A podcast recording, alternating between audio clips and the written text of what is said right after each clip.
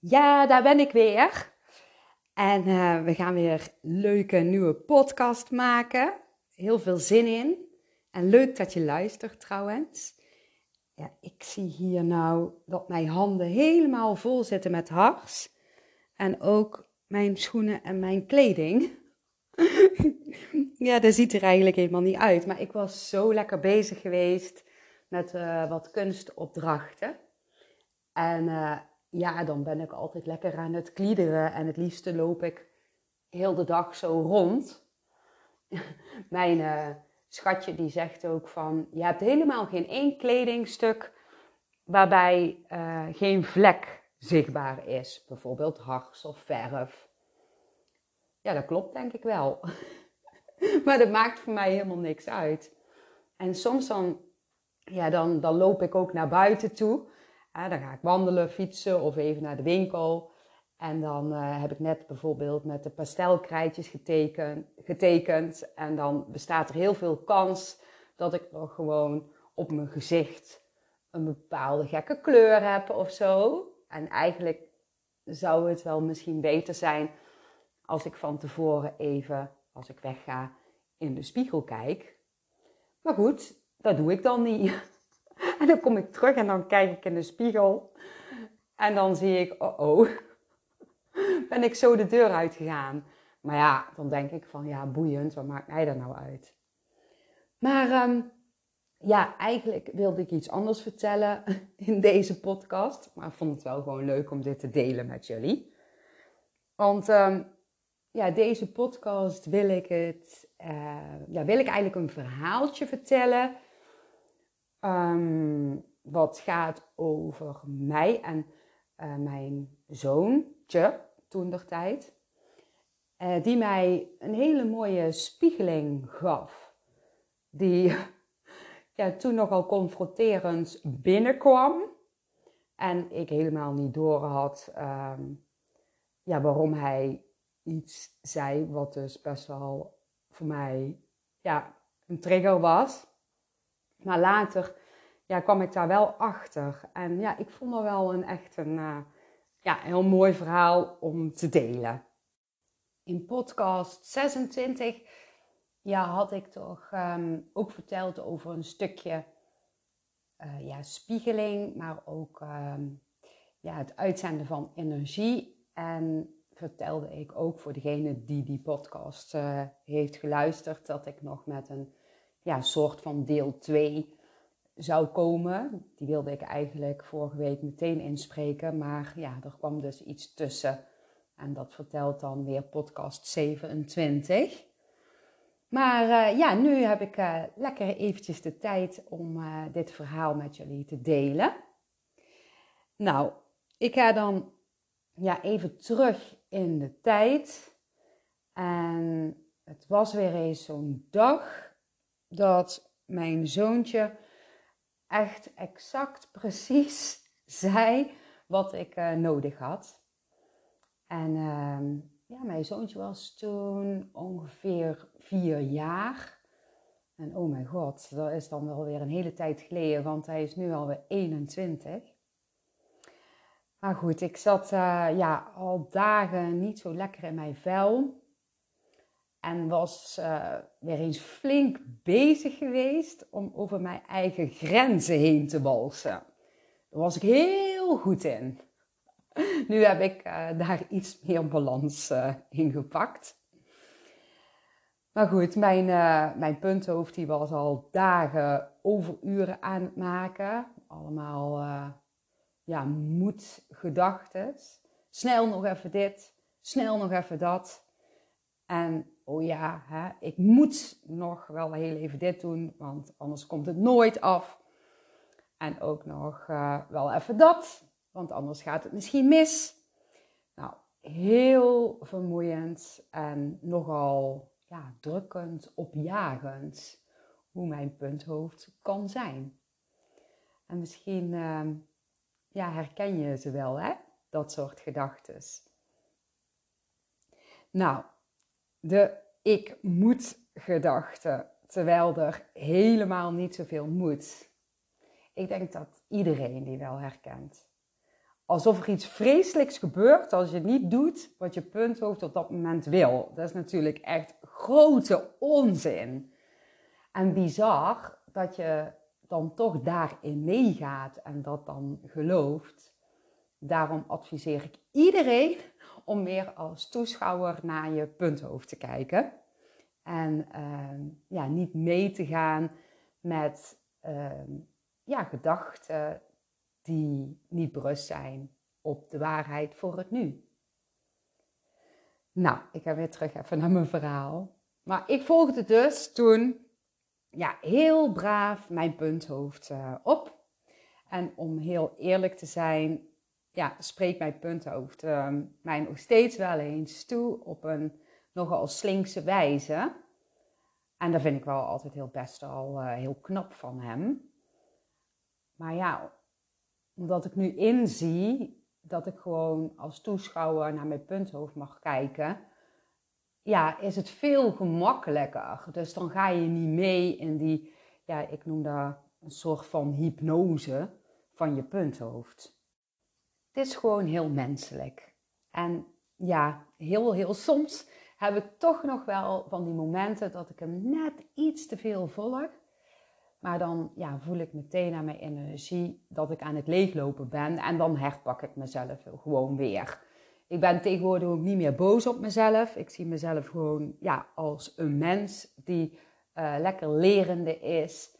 En af en toe lekker op de bek kan gaan en gewoon weer op gaat uh, staan en weer lekker door gaat lopen. Ja. Dus en in het verleden ja, was ik altijd wel boos als ik dan, uh, boos op mezelf, als ik dan um, weer erin was getrapt wat betreft mijn gedachtenwereld.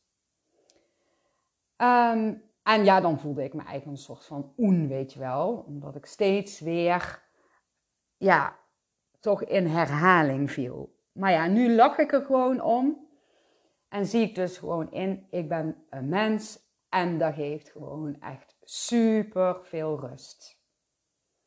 Nou, mijn punthoofd die belooft altijd ook van alles.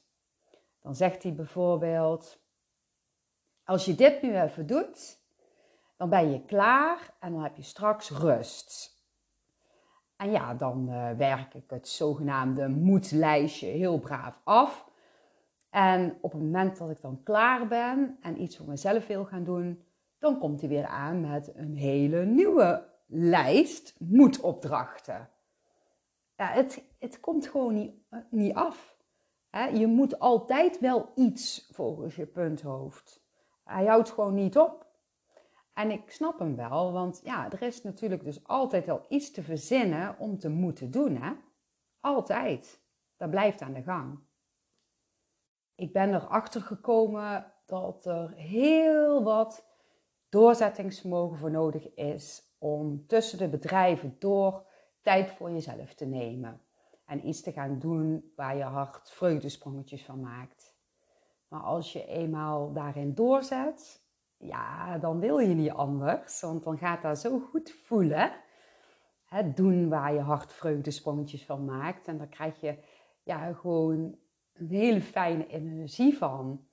En van daaruit ga je het meer automatisch doen. Het woord balans is wel de rode draad door mijn leven. De balans pakken. En daar ben ik me heel bewust van. En hoe bewuster je bent, hoe meer je mag handelen om dan ook wel ja, de balans te pakken. En dat valt dus niet altijd mee, voor mij in ieder geval niet.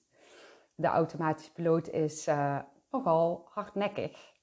Uh, en uh, ja, als mens kun je gewoon snel weer in eenzelfde oude patroon vallen.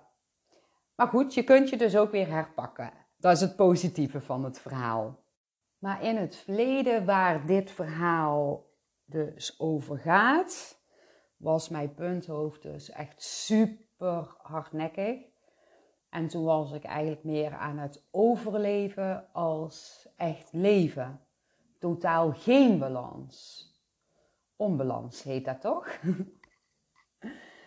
um, maar even weer terug naar het verhaal uh, ja, van toen. Het verhaal speelde zich af in de keuken. Dat klinkt, dat klinkt wel weer heel raar, alsof ik altijd in de keuken stond, maar dat, dat is niet zo hoor, even voor de duidelijkheid. Nou, ik was in de keuken en uh, nog even gehaast eten, want ik moest op tijd weer zijn voor het volgende.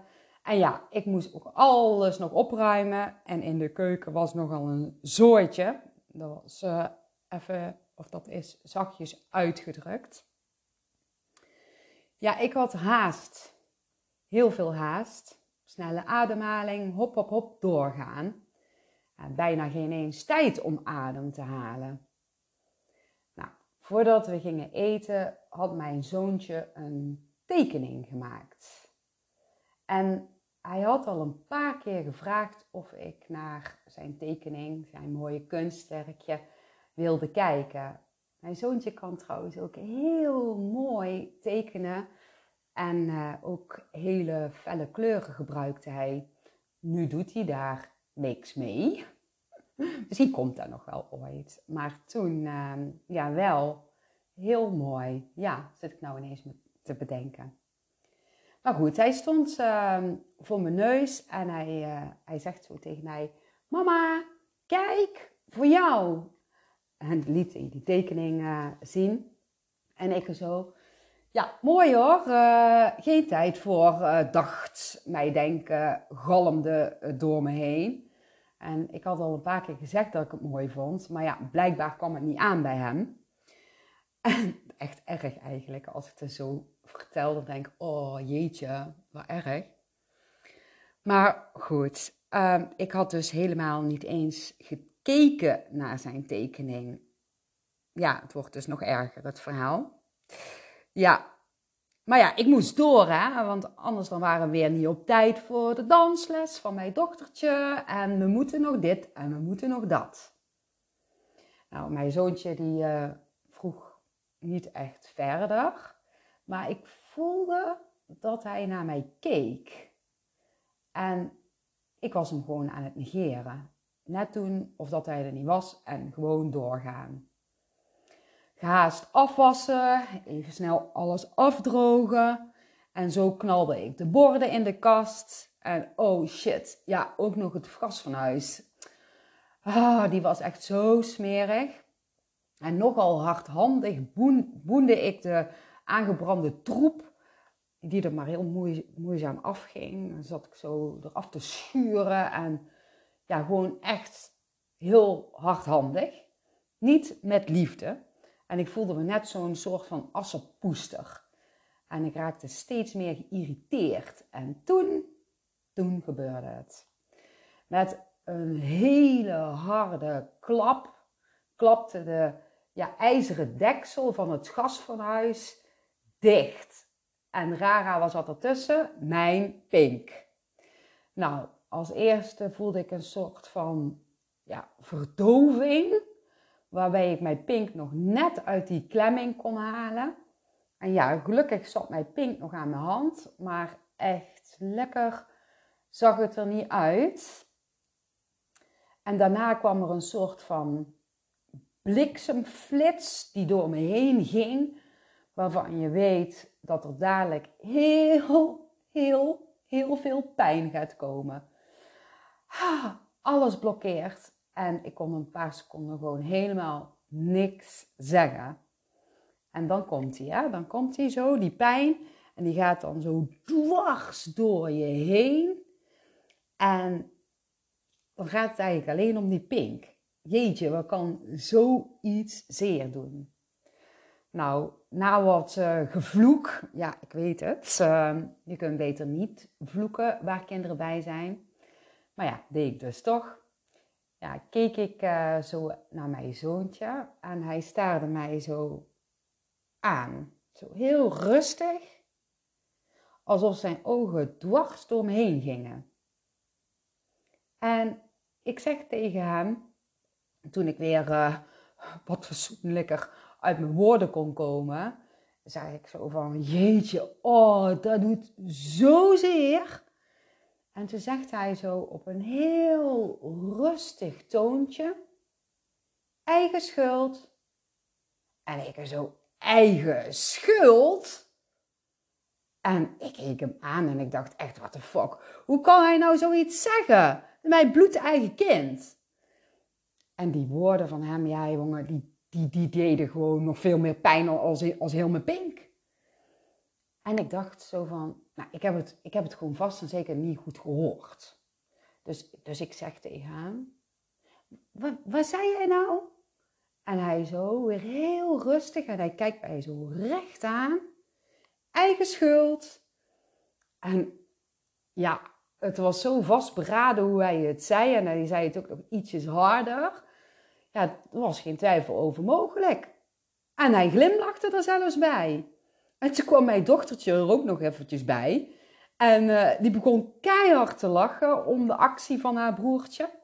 Nou, mijn punthoofd die ontplofte bijna. En ik vond gewoon echt, uh, hè, dat vond mijn punthoofd dan, ja, dat ik mijn kinderen gewoon niet goed had opgevoed.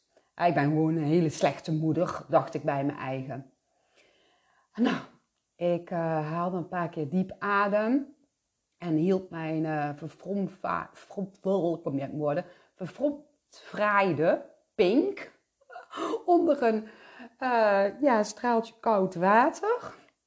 En ik denk, ik probeer hier eventjes tot rust te komen. De woorden van uh, mijn zoontje, die galmden door mij heen. Hè? Eigen schuld. Hoe dan? Waarom dan? Waarom zegt hij daar nou? Hoe komt hij daarbij? Nou, ja, het duurde wel even, maar langzaam werd ik wakker uit mijn punthoofdhypnose.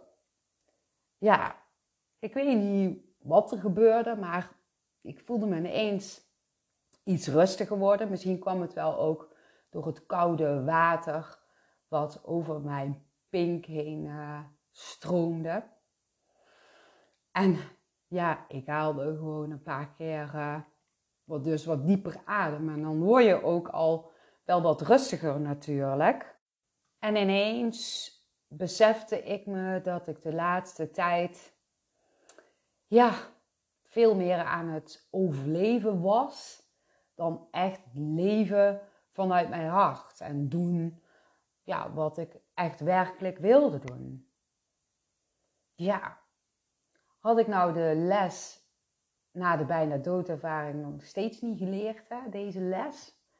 Want ja, ik, ik, eigenlijk ergens diep van binnen, en was hier best wel van bewust, maar ja, ik viel nogal hardnekkig terug in dezelfde patronen. Dus ja. En dat de woorden van mijn zoontje me zo raakten, dat had natuurlijk ook te maken met ja, oude pijn die loskwam van alle keren dat ik mezelf voorbij was gelopen. En ja, dat waren nogal uh, veel momenten geweest. Ja, ik ben uh, een beetje hardleers, zullen we maar zeggen. En het werd toch wel weer eens tijd om de balans te pakken. Tijd om iets leuks te doen. Ja, iets te doen waardoor ik mijn batterij weer zou opladen. Dan pas kon ik er ook wel echt zijn voor mezelf, als zo ook voor de kindjes. Hè? Nou, ik ging eventjes zitten en haalde even weer rustig adem. En de pinkpijn die zakte een beetje weg naar de achtergrond. En uh, ik keek uh, naar, de, naar de tekening die op tafel lag. De tekening die hij had gemaakt. En ik keek ernaar. En op de tekening stonden twee poppetjes. Twee poppetjes ja, die nogal heel dicht bij elkaar stonden. En onder het ene poppetje stond met van die hele schattige, kronkelige lettertjes mama. En onder het andere popje stond mijn zoontjes naam. Oh, en als ik dit zo uitspreek, dan krijg ik echt tranen in mijn ogen. Nou, en de poppetjes waren omringd door hele mooie kraskleuren en hartjes. Ja, hoe duidelijk wil je het hebben, ging er door me heen. Hij had de liefde tussen ons op papier vastgelegd. Nou, meteen borrelde er een schuldgevoel naar boven, jongens. Hoe had ik dit nou kunnen negeren? En meteen kwam mijn punthoofd ehm, met een reactie van... Jongen, jongen, ben jij een slechte moeder, zeg? En ik zeg zo tegen mijn punthoofd van... Hoe kan ik nou een slechte moeder zijn als hij zoveel liefde heeft getekend? Ik negeerde mijn punthoofd en ja, ik hoorde de zin die mijn moeder vroeger, vroeger wel eens uh, riep. Haastige spoed is zelden goed, zei ze wel eens. En dat vond ik toen zo irritant. Maar ja, nu snapte ik het wel helemaal. Even snel dit, even snel dat. Ik moet nog dit afmaken om weer vervolgens helemaal opnieuw te kunnen beginnen. Omdat het door de haast fout is gegaan van dat soort dingen. Als je even over haast spreekt. En als je in de haast zit, heb je, trouwens ook heel veel kans op eikelengelen. Maar dat is een ander verhaal. En weet je niet waar eikelengelen zijn? Nou, luister dan eventjes podcast 9, 10, 11 en 12. Dan geef ik uitleg en uh, voorbeeldjes over eikelengelen. Maar uh, ja, mocht jij nou even niet in balans zijn, hè, dan zou ik zeggen relax. Haal even een paar keer heel goed adem.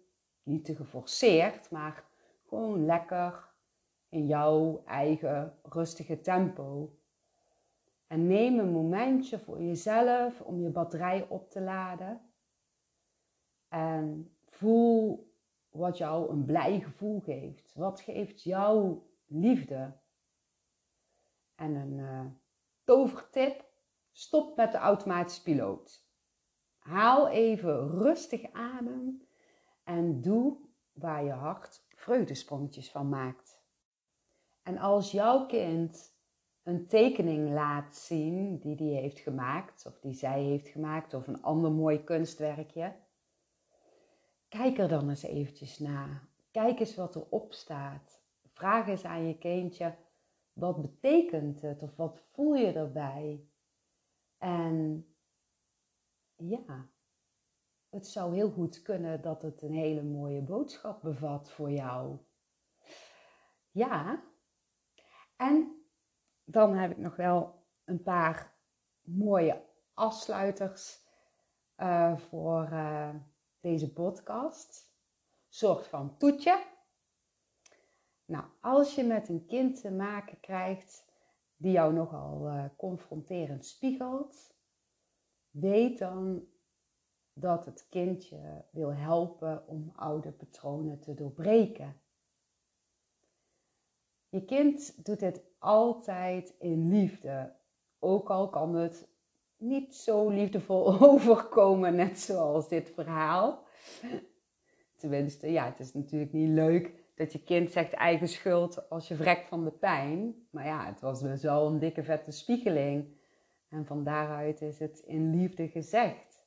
Ja, eigen schuld. En in feite is het ook mijn eigen schuld geweest. Want als ik niet had gehaast, dan was het niet gebeurd. Zeker weten. Maar goed, ja, je kind doet dit dus altijd in liefde. En het vertelt je iets moois over jezelf. Om meer bij je ware kern te komen. En daarbij ga je meer liefde voelen voor jezelf. Waardoor je een liefdevollere verbinding voelt met je kind en andere dierbaren. Ja, mooi toetje. Nou, lieve, lieve allemaal, super dankjewel dat je wilde luisteren naar deze podcast. En ja, ik zou zeggen, geniet en tot de volgende keer.